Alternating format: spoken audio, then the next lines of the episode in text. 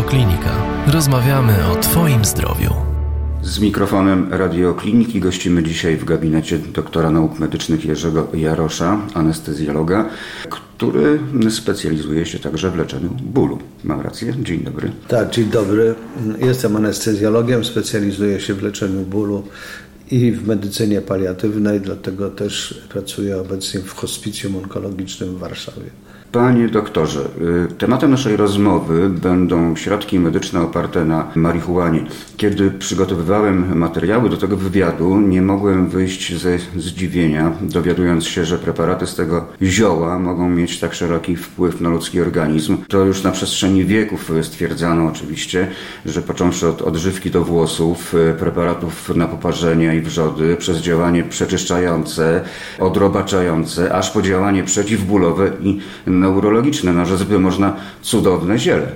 Tak, można powiedzieć, że jest to cudowne ziele czy zioło, ale to nie jest nic nadzwyczajnego. E, medycyna wcześniej, ale również obecnie bazuje na wielu substancjach pochodzących od roślin.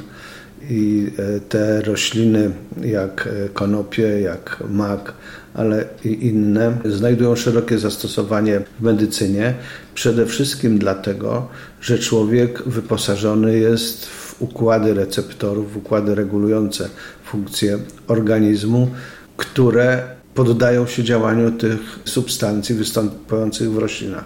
Można więc powiedzieć, odnosząc to do kanabinoidów, czyli substancji występujących w roślinach, wtedy mówimy fitokanabinoidy, że podobne substancje wywołujące to samo działanie znajdujemy w organizmie ludzkim i zwierzęcym wtedy nazwiemy je endokanabinoidami. I o tym na pewno e, szerzej też powiemy w trakcie naszego wywiadu, e, poszerzając e, pojęcie kanabinoidów. Natomiast chcę tylko powiedzieć, że nie tylko kanabinoidy, ale na przykład morfina, prawda, znajduje endomorfiny, czyli morfina występująca w maku, znajduje podobne substancje. One różnią się chemicznie, ale oddziałują na te same struktury. A więc te mechanizmy regulujące, znajdujące się w człowieku, znajdują swoje odpowiedniki w świecie roślin i zwierząt. Tak, i tutaj możemy doszukiwać się pewnych pokrewieństw w różnych organizmach. No na pewno coś w tym jest. Panie doktorze, marihuana i leki bazujące na marihuanie, środek mający potencjał, acz niezbadany do końca. Tak, niezbadany do końca i to jest dość duże zaniedbanie medycyny wynikające z uprzedzeń, wynikające z tego, że na jakimś tam mm, etapie swojej historii, czy ludzkość, czy marihuana, znalazła się na czarnej liście substancji, której odebrano właściwości medyczne, a przypisano szkodliwe właściwości uzależniające, prowadzące do najróżniejszych dziwnych ludzkich zachowań. Nazwano nawet, że jest to roślina z korzeniami w piekle. To były lata 30. ubiegłego stulecia, okres zaraz po prohibicji w Stanach Zjednoczonych, a potem międzynarodowe organizacje, między innymi, a może przede wszystkim Organizacja Narodów Zjednoczonych wpisała marihuanę na listę jednych z ośmiu substancji, tych najbardziej groźnych dla człowieka. Trzeba przyznać, że nie było medycznych podstaw do takiej klasyfikacji. Aczkolwiek marihuana ma właściwości swego rodzaju narkotyczne. Narkotyczne to może źle. E, może za dużo powiedzieć. Uzależniające. uzależniające. Że może uzależniać. Tak, stosunkowo słabo, bo Uważa się, że około 9% dorosłej populacji, tych, którzy użyli czy używają marihuany w celach rekreacyjnych, może się uzależnić i stosować ją w sposób szkodliwy. 9% to jest mało alkohol, papierosy mają kilkukrotnie większą zdolność uzależniania, nie mówiąc już o innych lekach, takich jak właśnie pochodne opioidów, to wielo, wielokrotnie. W dodatku uzależnienie od marihuany ma stosunkowo łagodny przebieg w rozumieniu skutków społecznych czy osobniczych, jakie powoduje. Marihuana jest tym ziołem relaksującym, takim łagodzącym obyczaje w odróżnieniu do innych powodujących agresję, czy destrukcję, czy jakieś inne zastosowania. Ja nie chcę tu usprawiedliwiać marihuany, mówić, że, bo ma takie właściwości, tylko mówię stosunkowo łagodne, ale jest potępiana o wiele bardziej niż alkohol, papierosy, niż e, no Mało tego, alkohol i papierosy są ogólnie dostępne w sklepach, marihuana tak, tak, raczej nie. Także widzę, śledząc to, można z całą pewnością powiedzieć, że metka czy opinia, e, jaką przypisuje się niektórym środkom, to zależy wcale nie od względów medycznych, ale jest to bardziej polityka, to są finanse, to na czym można zarobić, na czym e, lepiej jest zarobić. I takie były losy marihuany. Pozostańmy jeszcze przy samej roślinie. Istnieją różne odmiany marihuany. To tak. nie jest tak, że to jest tylko jeden rodzaj krzewu i y, istnieją, prawda, jakieś rodzaje. Tak, tak. My, my wyodrębniamy takie trzy, trzy główne odmiany marihuany. Jedna to taka pierwotna, nazwijmy ją odmiana, druga to znana e, jako e, indyka. Czyli konopia indyjska. indyjskie albo e, cannabis sativa, czyli te konopie siewne. I te odmiany oczywiście różnią się między sobą wyglądem, nieco, ale i również właściwościami. Zasadniczym czynnikiem takim, który jest teraz interesujący dla medycyny, czy składnikiem soku, bo z tego produkuje się rośliny e, konopi, zasadniczymi tymi czynnikami medycznymi interesującymi nas są tak zwane kanabinoidy. Od tego zresztą e, pochodzą od nazwy tej rośliny, od kanabis. I tych kanabinoidów jest około 100 znanych, 100 różnych substancji, które zaliczamy do kanabinoidów, bo one są podobne w strukturze. Każdy z nich ma właściwości farmakologiczne, to znaczy podany człowiekowi czy zwierzęciu wywoła jakiś skutek e, farmakologiczny. Czy wszystkie są pod tym kątem zbadane? No nie, my mniej więcej znamy ich strukturę, mniej więcej możemy przypisywać im właściwości, ale najlepiej zbadane są dwie substancje, mianowicie THC, to jest na skrót od tetrahydrokanabinol, ale używamy powszechnie THC. To jest ta substancja, która jest psychoaktywna i która jest używana właśnie przez spalaczy rekreacyjnych, żeby uzyskać ten stan, czy to ten błogostan, czy stan takiego podniecenia twórczego.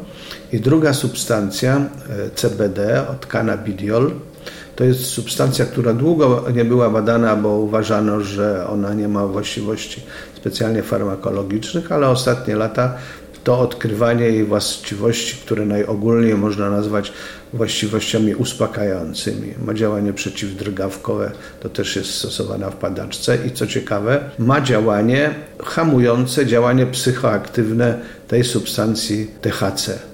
Także jak zmieszać jedno z drugim, to Taka względna równowaga można następuje. uzyskiwać jakąś równowagę i niektóre z tych roślin też e, wytwarzają je w podobnych proporcjach.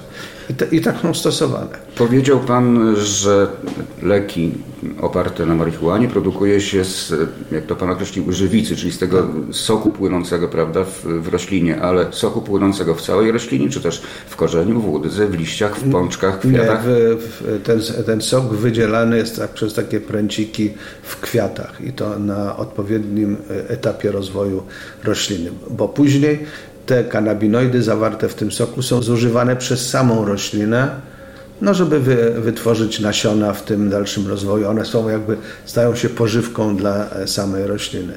I sztuką jest e, zebranie tych kwiatów w odpowiednim momencie, wtedy kiedy one wytwarzają te e, kanabinoidy, po to, żeby te substancje czynne pozyskać czy to do celów medycznych, czy to do celów rekreacyjnych, jak to robią niektórzy. I trzeba jeszcze powiedzieć, że to są trzy główne szczepy, ale wśród tych szczepów jeszcze znajduje się mnóstwo odmian. I my możemy różnicować bo krzyżowano chyba również te tak, krzyżow, mhm. krzyżowano dlatego, żeby uzyskać, bo e, tak w naturze to tylko żeńskie e, rośliny, bo to jest rozdzielnopłciowa roślina, tylko żeńskie wytwarzają tę żywicę i kanabinoidy, więc krzyżowano tak, żeby uzyskiwać te substancje, a jednocześnie chodziło też o uzyskanie jak najbardziej wydajnych hodowli, prawda? bo jak tylko co druga roślina wydziela, no to część się tak. nadaje. Nie, nieekonomiczne. Tak, pod tym względem nieekonomiczne, chociaż e, kanabis, konopie mają dużo, dużo innych pozamedycznych zastosowań, jako tam materiał budulcowy, jako te włókna, które mogą być i do papieru wyrabiane, i do tkanin, liny, to najlepsze jakie są, bo to nie gnije. Także konopie są rośliną bardzo wszechstronną. Kiedyś wszechstronnie stosowaną. No olej z konopi jest olejem spożywczym, on nie zawiera tych kanabinoidów, bo jest już wytłoczony z ziaren, które nie mają kanabinoidów. Więc tutaj można mnóstwo mówić, ale kiedy mówi się o odmianach i o medycznych zastosowaniach marihuany, to trzeba powiedzieć o zjawisku, my to nazywamy entourage, zjawisko tła, że oprócz tych kanabinoidów, pod kątem których my różnicujemy i przyrządzamy leki, znajduje się jeszcze całe mnóstwo, kilkaset substancji, które różnią się którymi rośliny. Między innymi możemy poznać to po zapachu. Terpenoidy nadają zapach roślinie, tak jak i innym roślinom. I te terpenoidy, które my znamy wąchając roślinę, jak pachnie pomarańcz, jak pachnie jedna odmiana konopi, jak pachnie druga, te terpenoidy również posiadają swoje właściwości lecznicze. Co więcej, odmiany różnią się, czy te szczepy, cannabis, tam sativa, czy indica, czy taurodalis, różnią się między sobą zasadniczo i wyglądem, ale nawet w każdym tych szczepie każda roślina różni się między sobą ilością, tak jak wszędzie, e, ilością wytwarzanych kanabinoidów w zależności od oświetlenia, pogody. To tak jak i ludzie się różnią. Jedni tak. są niżsi, drudzy wyżsi, są różne kolory skóry. Prawda? Różne temperamenty. Też. Nawet jak bliźniaki, e, przecież też się jednojajowe, pozornie tylko są takie same, ale no oczywiście to jest przyroda. Panie doktorze, stwierdzono, że preparaty, leki oparte na marihuanie mają duży wpływ na łagodzenie bólu. Tutaj zmierzam do stwardnienia rozsianego, między innymi oczywiście, bo cały czas podkreśla pan doktor, że jest niezwykle szerokie zastosowanie środków zawartych w samej roślinie. Stwardnienie rozsiane wywołuje specyficzny rodzaj bólu, prawda? Tak, e, może, ale zanim się przystąpi do omawiania roli medycznej kanabinoidów, to trzeba e, zastanowić się, dlaczego e, kanabinoidy działają, znaczy gdzie one są zlokalizowane, ich punkt uchwytu i dlaczego tak szerokie zastosowania są przynajmniej spodziewane, czyli mogą być wykorzystane. Czyli omówmy może schemat tego działania. Tak? Dlaczego one tak działają? Właśnie. Dlaczego mogą być tak ważne i tak poszukiwane są? I na pewno nie mogą być lekceważone. Kanabinoidy, te endokanabinoidy, te, które wytwarzane są przez człowieka w jego Właśnie tutaj podkreślmy to wyraźnie, że kanabinoidy są również wytwarzane w organizmie człowieka i są to w pełni w 100%. Może nazwijmy przede wszystkim wszystkim, bo z punktu widzenia człowieczego, egoistycznego, to my sobie sami wytwarzamy kanabinoidy, ponieważ ten układ kanabinoidowy. W 100% akceptowalny przez organizm ludzki. No, bez niego nie można byłoby funkcjonować dobrze. E, to jest układ taki, on się składa, e, tak jak wiele układów, z receptorów, czyli miejsc, gdzie te substancje się przyczepiają i wywierają swoje działanie, z tych endokanabinoidów, z tych substancji, które są wytwarzane po to, żeby te receptory pobudzić albo zahamować, i z enzymów, które rozkładają te kanabinoidy, jeśli one staną się już niepotrzebne. I te receptory kanabinoidowe, my szukając miejsc działania, poszukujemy, gdzie znajdują się receptory w jakich tkankach znajdują się te receptory dla e, kanabinoidów. Wiemy, że one najgęściej rozmieszczone są w centralnym układzie nerwowym, a więc w mózgu, rdzeniu kręgowym, w obwodowych nerwach tak samo. Centralny układ nerwowy to jest e, mózg, to jest komputer, który zawiaduje wszystkim. Tak e, który zawiaduje wszystkimi funkcjami, nie tylko emocjami, ale również funkcjonowaniem narządów wszystkich. I drugie no miejsce, i dystrybuuje sygnały do tak, tak funkcjonowania tak, właśnie, organizmu. Tak, I, i drugi to jest układ immunologiczny. To są e, tkanki układu immunologicznego, to znaczy te, które produkują czy przeciwciała, czy produkują te komórki, które e, mają działanie takie oczyszczające, broniące organizm. A więc to jest układ obrony przed e, inwazją z zewnątrz organizmu, prawda? To jest układ niszczący przeciwnika, jeśli on wtargnie do naszego organizmu, albo nasz organizm sam wytworzy tego przeciwnika, na przykład w chorobie nowotworowej, albo niestety zaatakują nasze własne komórki. Wtedy mówimy o chorobach z autoagresji. I ten układ kanabinoidowy jest rozmieszczony w tych najważniejszych sterujących narządach. W dodatku on jest e, układem niesłychanie dynamicznym. Te kanabinoidy wytwarzają się i działają tylko tam, gdzie są potrzebne, gdzie dzieje się coś złego i natychmiast znikają. Czas przeżycia tych endokanabinoidów jest bardzo krótki. Ale na ich miejsce oczywiście wytwarzają się nowe, jeśli na, nadal jest potrzeba. Tak. I teraz my staramy się wykorzystać, naśladować te endogenne substancje, podając egzogenne. Oczywiście. Te pochodzące z konopi w przypadku, tak, który omawiamy. tak.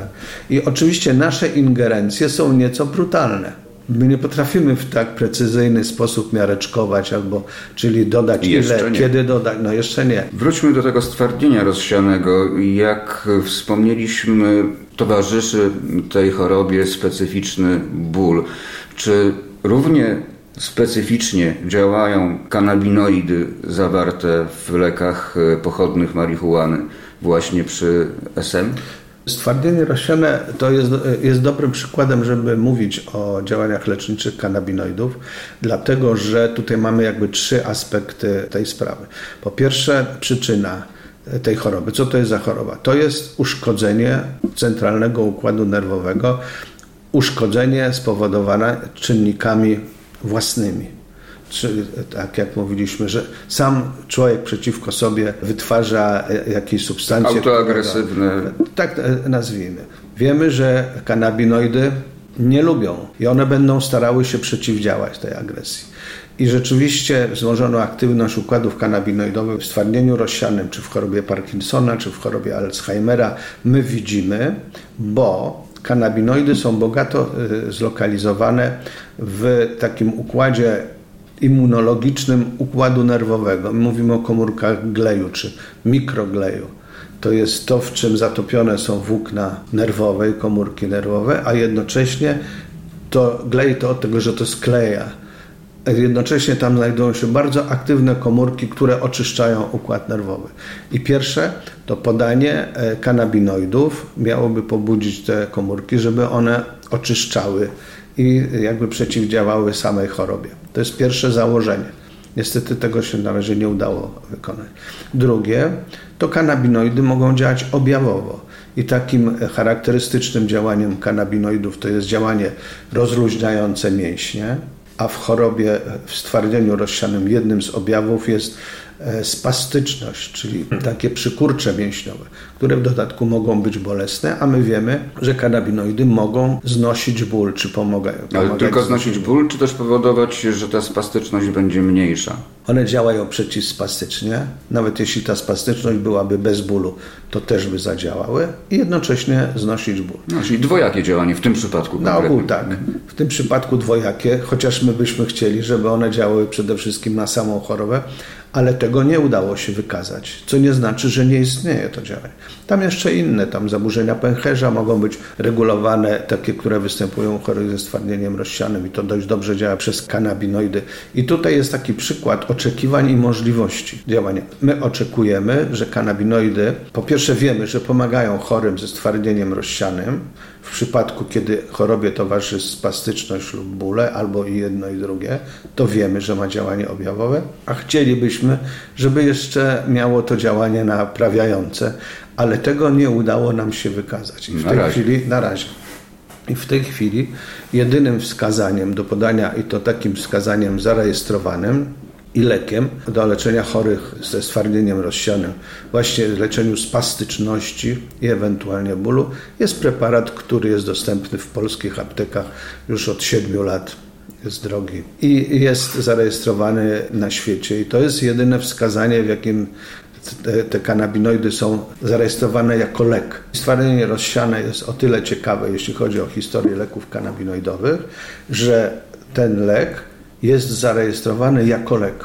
Udało się wyprodukować z tej rośliny, z tych roślin, tak zróżnicowanych między sobą, coś, co można nazwać lekiem, bo spełnia wszystkie kryteria. Wytwarzane, jest powtarzalny, wystandaryzowany, ma badania. Żeby coś zarejestrować jako lek, to jest bardzo duży proces i to zostało zarejestrowane. Ale chyba w niewielu krajach jest dopuszczany do ogólnej sprzedaży. W wielu? Tak, w wielu krajach. W wielu krajach świata czy w wielu krajach Europy? E, świata i Europy. Mhm. W, Polsce, w Polsce też. Tak, w Polsce też. Tylko jest bardzo drogi i przez to jest bardzo ograniczony. I kolejnym lekiem, który jest zarejestrowany, ale na razie tylko w bardzo wąskich wskazaniach i jest zarejestrowany na razie tylko w Stanach Zjednoczonych przez FDA, tamtejszą Komisję do Spraw Leków i Żywności, bardzo rygorystyczną i jak jest jakiś lek ma rejestrację FDA, to już prawie pewne, że na całym świecie będzie rejestrowany. W Europie trwa proces rejestracyjny, to jest zarejestrowanie leku zawierającego samo CBD, a więc tę substancję niepsychoaktywną do leczenia padaczki lekoopornej u dzieci. I w Europie to, też to e, będzie rejestrowane. Czyli to jest mm, swego rodzaju nowum w medycynie. To jest zeszły rok ubiegły rok, kiedy zostało. A, jeszcze tutaj trzeba by było wrócić do tego, e, do tego stwardnienia rozsianego i tego pierwszego leku, który jest. Ten lek został skonstruowany w ten sposób, że dobrano odmiany i ten, tak, żeby zawierały THC i CBD pół na pół a więc żeby wykorzystać te efekty jednej i drugiej substancji. Zakładając, że 50 na 50 da ten efekt równowagi. Równowagi i nie będzie e, efektu psychoaktywnego. To nie zawsze tak musi być, bo nieraz na przykład 71 i 32 też powoduje równowagę, bo ten niwelujący ma e, o tyle silne działanie, że potrafi wyrównać te 70%. Może być, ale nam przeważnie jeśli różnicujemy, to chcemy wykorzystać właśnie tę nierównowagę bo chodzi nam o przeważający efekt. Na przykład w leczeniu to THC będzie miało lepsze działanie przeciwbólowe, będzie miało lepsze działanie przeciwspastyczne i tam wiele. CBD z kolei działa przeciwzapalnie, działa uspokajająco, znosi drgawki, tak jak w padaczce. Także one oprócz tego, że się neutralizują, bo to nam nie chodzi o to, żeby one się zneutralizowały. To jeszcze tylko... poszerzają wachlarz działania. Tak. I dlatego w leczeniu, jeśli chcielibyśmy mówić o leczeniu medyczną marihuaną czy lekami kanabinoidowymi, dlatego też my, gdybyśmy chcieli mówić o leczeniu marihuaną czy wykorzystaniu medycznej marihuany, bo tych określeń to są takie określenia powiedzmy nienaukowe, ale e, zrozumiałe, my potrzebujemy pewnej rozpiętości, pewnego zróżnicowania leków. Powiedzmy to od zawierających samo THC do zawierających samo CBD, a nie zawierających CBD, poprzez różne kombinacje. Na pewno przez te leki, które zawierają THC i CBD, na korzyść CBD i odwrotnie. I wtedy mielibyśmy możliwość rzeczywiście dobierania. Można manewrować tymi proporcjami tak. w zależności od potrzeb. Od potrzeb na tyle, co, co wiemy przypadku. Takich e, specjalności medycznych jest wiele, gdzie możemy doszukiwać się i doszukiwać się, gdzie nawet wręcz odnajdujemy pozytywne zastosowanie pochodnych marihuany. To jest onkologia, diabetologia, neurologia, kardiologia. Warto myślę o tym również wspomnieć, chociaż omówienie wszystkich tych możliwości zajęłoby nam naprawdę bardzo dużo e, czasu, ale myślę, że powinniśmy dotknąć pewnych rzeczy, bo i w leczeniu pewnych stanów cukrzycowych również te y, pochodne marihuany są pozytywnie akceptowane. Również y, w niektórych y, chorobach kardiologicznych, w guzach nowotworowych. Nawet na uczelniach e, zachodnich stwierdzono, że wprowadzone bezpośrednio te substancje do pewnego rodzaju guzów e, powodują ich e, obumieranie poprzez zablokowanie rozrostu nowych naczyń krwionośnych chociażby, no, tudzież przez inne działania. I myślę, że warto również i to zasygnalizować, że to nie tylko SM, te obszary, o których pan doktor wspomniał, ale naprawdę dość szeroko można pojmować ten temat. Kiedy się mówi o kanabinoidach i, i współczesnych zastosowaniach w medycynie, trzeba by było podsumować czy zacząć od takiego stwierdzenia, że kanabinoidy obecnie nie są lekiem na żadną konkretną chorobę, są to leki jakości życia. Są to leki które mogą redukować objawy, dokuczliwe objawy choroby. Mówiliśmy o bólu, o spastyczności. Padają e, określenia, że działają uspokajająco, działają przeciwlękowo, mogą działać też pobudzająco i tak e, e, dawać takiego napędu do pracy. Oprócz tego z takich objawów, o których my wiemy, że one powodują, to na przykład obniżenie poziomu cukru, obniżenie ciśnienia tętniczego, obniżenie ciśnienia śródocznego, na przykład w jaskrze, ale żaden z, z tych, tego objawu nie oznacza leczenia choroby. Leczenia, prawda? właśnie. To podkreślmy, że to nie jest sposób na wyleczenie tych tak, i tu, chorób i wielu innych. Właśnie i tu najbardziej to jest widoczne w, tych, w tym raku, w komórkach nowotworowych. My prowadzimy tutaj punkt konsultacyjny medyczna marihuana już od 3,5 roku. To znaczy tutaj telefony czy maile głównie przychodzą, my odpowiadamy, ewentualnie zapraszamy tutaj. Najwięcej pytań, bo ponad 70% tutaj dzwoniących czy przychodzących, to są osoby, które szukają lekarstwa na raka. Mam raka, tutaj onkolodzy powiedzieli, że nic się nie da zrobić, ratujcie, bo wiemy, że marihuana leczy raka. My odpowiadamy, my nie stosujemy kanabinoidów jako leków przeciwnowotworowych, znaczy zabijających raka, leczących z raka. My stosujemy w onkologii kanabinoidy jako leczenie wspomagające, które może poprawić jakość życia poprzez redukcję bólu, znoszenie nudności wymiotów w czasie chemioterapii, ogólne odprężenie i leczenie powiedzmy innych objawów. Często liczymy na przykład na poprawę apetytu, chociaż to się spełnia.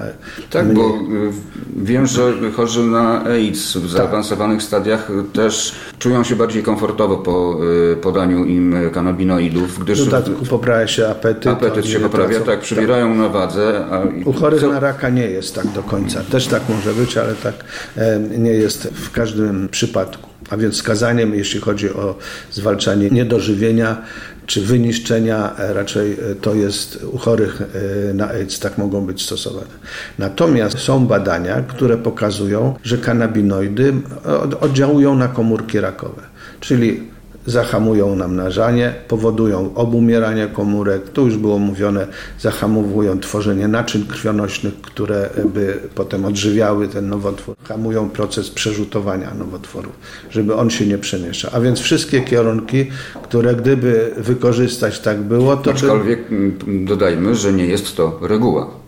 Żeby nie tak. powstało tak. tutaj wrażenie, że kanabinoidy podane do każdego guza spowodują jego obumarcie, prawda? Tak, Wiesz, niekoniecznie. Niekoniecznie. Natomiast, Zdarzają się takie przypadki. O, może tak to określę. Może powiedzmy, regułą jest bardziej to, że takie działanie można wykazać w probówce, ewentualnie na zwierzętach, na myszach czy szczurach, którym wszczepi się komórki nowotworowe.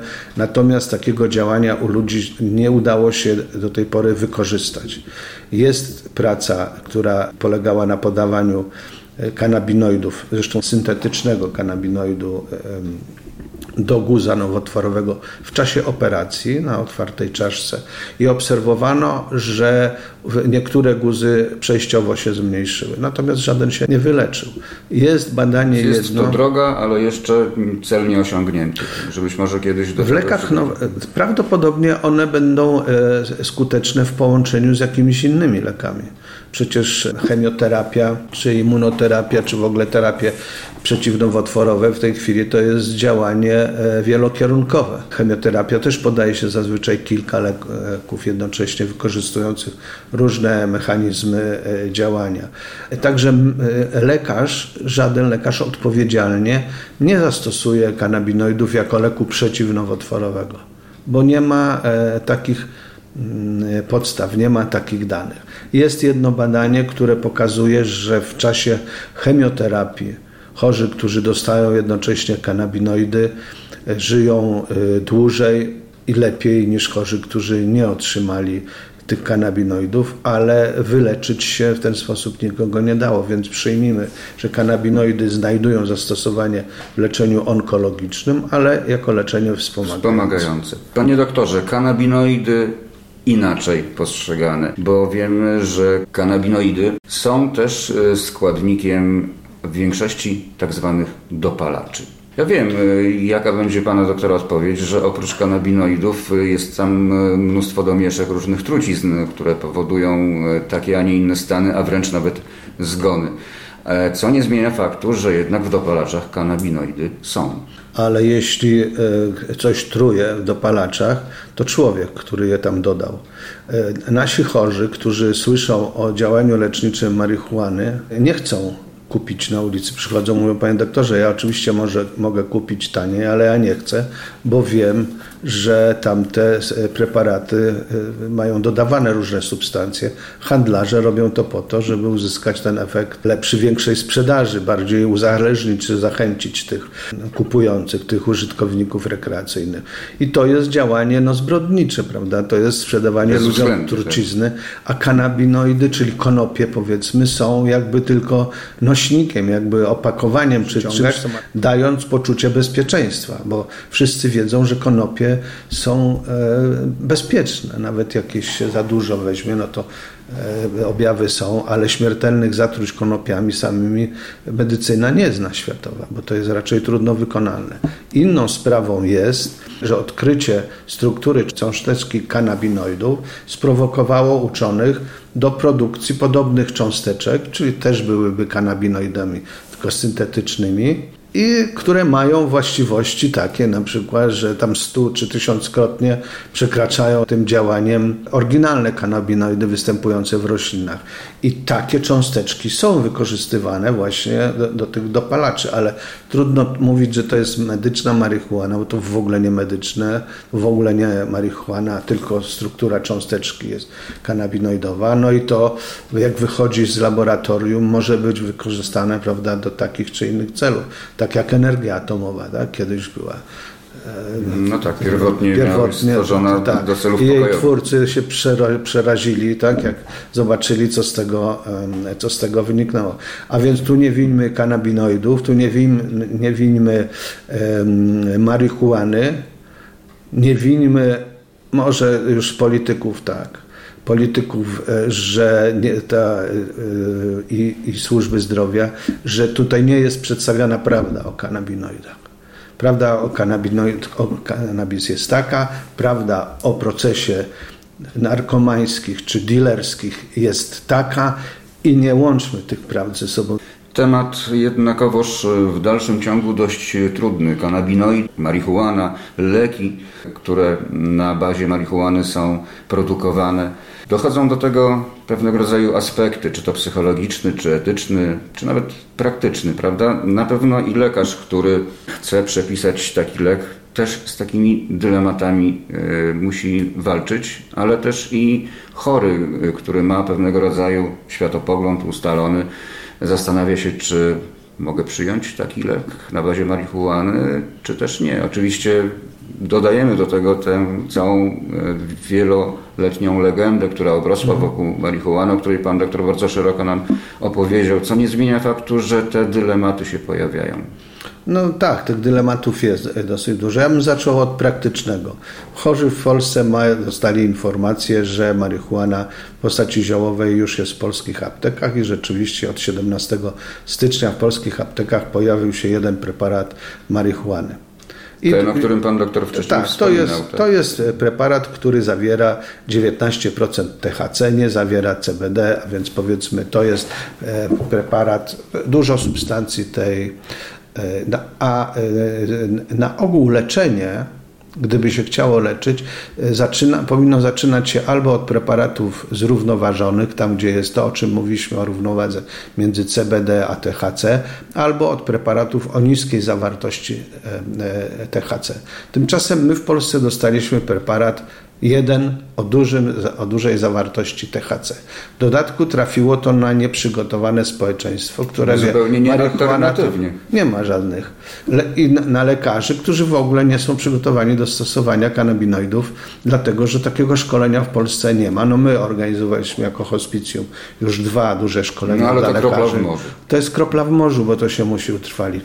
I urząd nam rejestruje jeden preparat, tak jakby nie zdając sobie sprawy, bo to e, z, z, tego, jakie mogą być konsekwencje, że na rynku znalazł się jeden preparat i to właśnie taki. I tutaj jest dylemat, ja nie wiem, czy to jest dylemat.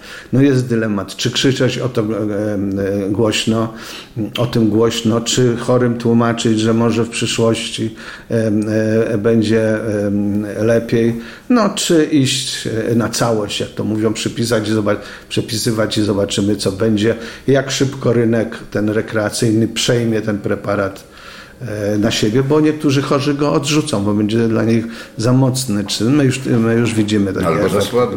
Albo za słaby. Chociaż on jest... E, I to jest taki dylemat praktyczny. Może to nie jest dylemat, to jest po prostu brak porozumienia e, tu między lekarzami a rejestracją leków, prawda? To, to, każdy sobie, nie patrząc na to, jakie skutki. Dla mnie to jest bardzo e, e, nieprzyjemna sprawa, że tak jest e, w polskim państwie. No, Jeśli etyka. chodzi o etykę. Dylemat etyczny to jest, to jest wybór pomiędzy dobrem a złem, tylko odpowiedź na pytanie, co w przypadku leczniczej marihuany jest dobrem, a co złem. My Bardzo uważamy, zasadne pytanie. Tak.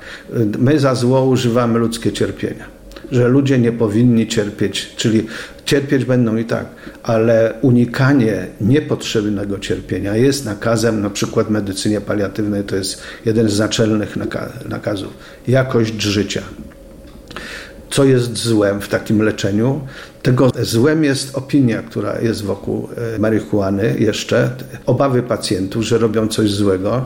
Tu dotykamy tego aspektu psychologicznego, prawda? Tak, bo jeśli ktoś e, no, minister e, pisze, że on jest przeciwny rekreacyjnej marihuanie. Ale nikt bo prowadzi... nie składał oficjalnie wniosku o zarejestrowanie. Nie, nie składał, no nie wiem z jakiej okazji, ale, ale argumentacja. Bo marihuana prowadzi do użycia innych e, narkotyków, uzależnia i prowadzi do tego i on sam miał styczność i, i czuł się bardzo źle po tym. No cóż to za argumenty? No czuł się źle. Część osób się czuje źle po tym. Trzeba właśnie im dobrać e, zioło. No tam jest e, wiele rzeczy. Opinia e, wobec marihuany była między innymi taka, że ona sama jako ten narkotyk, jeśli jest spalona rekreacyjnie, nie jest niczym specjalnie złym, ale złe jest to, że ona jest wstępem jakby do innych narkotyków, do sięgania po silniejsze. Pojawiały ale dowodów na to nie ma. Tak. My wiemy, że w Polsce na pewno takim wejściem to jest piwo czy alkohol w innej postaci, prawda? To e, ludzie, młodzi ludzie od tego zaczynają. Marihuany używają e, e, też wiele, ale to właśnie takie przypisanie, trzymanie się jakiegoś poglądu, który nie znajduje potwierdzenia naukowego. My wiemy, że jest wiele różnych czynników wpływających na to, że ludzie używają. Na medycynę przynajmniej w, w tym trzeba patrzeć w świetle społeczeństwa, tak zwanego zdrowia publicznego, widzieć dobro jednostki. I tu nie ma moralnych sprzeczności, że cierpienie no są na pewno tacy, którzy, że cierpienie uszlachetnia, czy należy kultywować cierpienie. No w medycynie raczej to jest barbarzyńskie podejście. E, cierpienia się nie kultywuje. To już nie są rozważania bardziej filozoficzne. A dla lekarza niż, jest niż jak medyczne. boli, to trzeba leczyć przeciwbólowo, prawda? Jak ktoś ma niepokój, trzeba leczyć niepokój. E, na pewno stereotypy, o których pan doktor wspomniał, jeszcze będą pokutować e, przez lata, bo nie wykorzeni ich się od tak po prostu ad hoc. No, przyjdą inne, jak te odejdą. Pozostaje tylko żyć w przeświadczeniu, że rzeczywiście substancje zawarte w marihuanie, z których można produkować e, leki powodujące ulgę dla chorych, będą e, szeroko dostępne i podkreślmy to, są to substancje, które nie uzależniają. Tak można powiedzieć. Jeśli są używane, powiedzmy, że leczenie leczenie prowadzone przez lekarza, czy takimi substancjami, czy innymi, które mają potencjał uzależniający. Takich substancji jest o wiele więcej. Leki nasenne przecież w tej chwili są plagą. Benzodiazepiny, jeśli chodzi o uzależnienia. Inne leki, które wydają się niegroźne, na przykład niektóre leki przeciwdrgawkowe, szeroko stosowane, mają potencjał uzależniający. Ale wszystkie są, konopie mają stosunkowo mały, ale wszystkie są i muszą być używane w medycynie w tej chwili po to, żeby uzyskać ten cel nadrzędny, ulgę w cierpieniu, poprawę jakości życia. I tym akcentem zakończymy naszą rozmowę, za którą bardzo dziękuję. Gościem radiokliniki był doktor nauk medycznych Jerzy Jarosz. Pięknie dziękuję panie doktorze. Dziękuję bardzo. Więcej audycji na stronie radioklinika.pl i w naszej aplikacji mobilnej.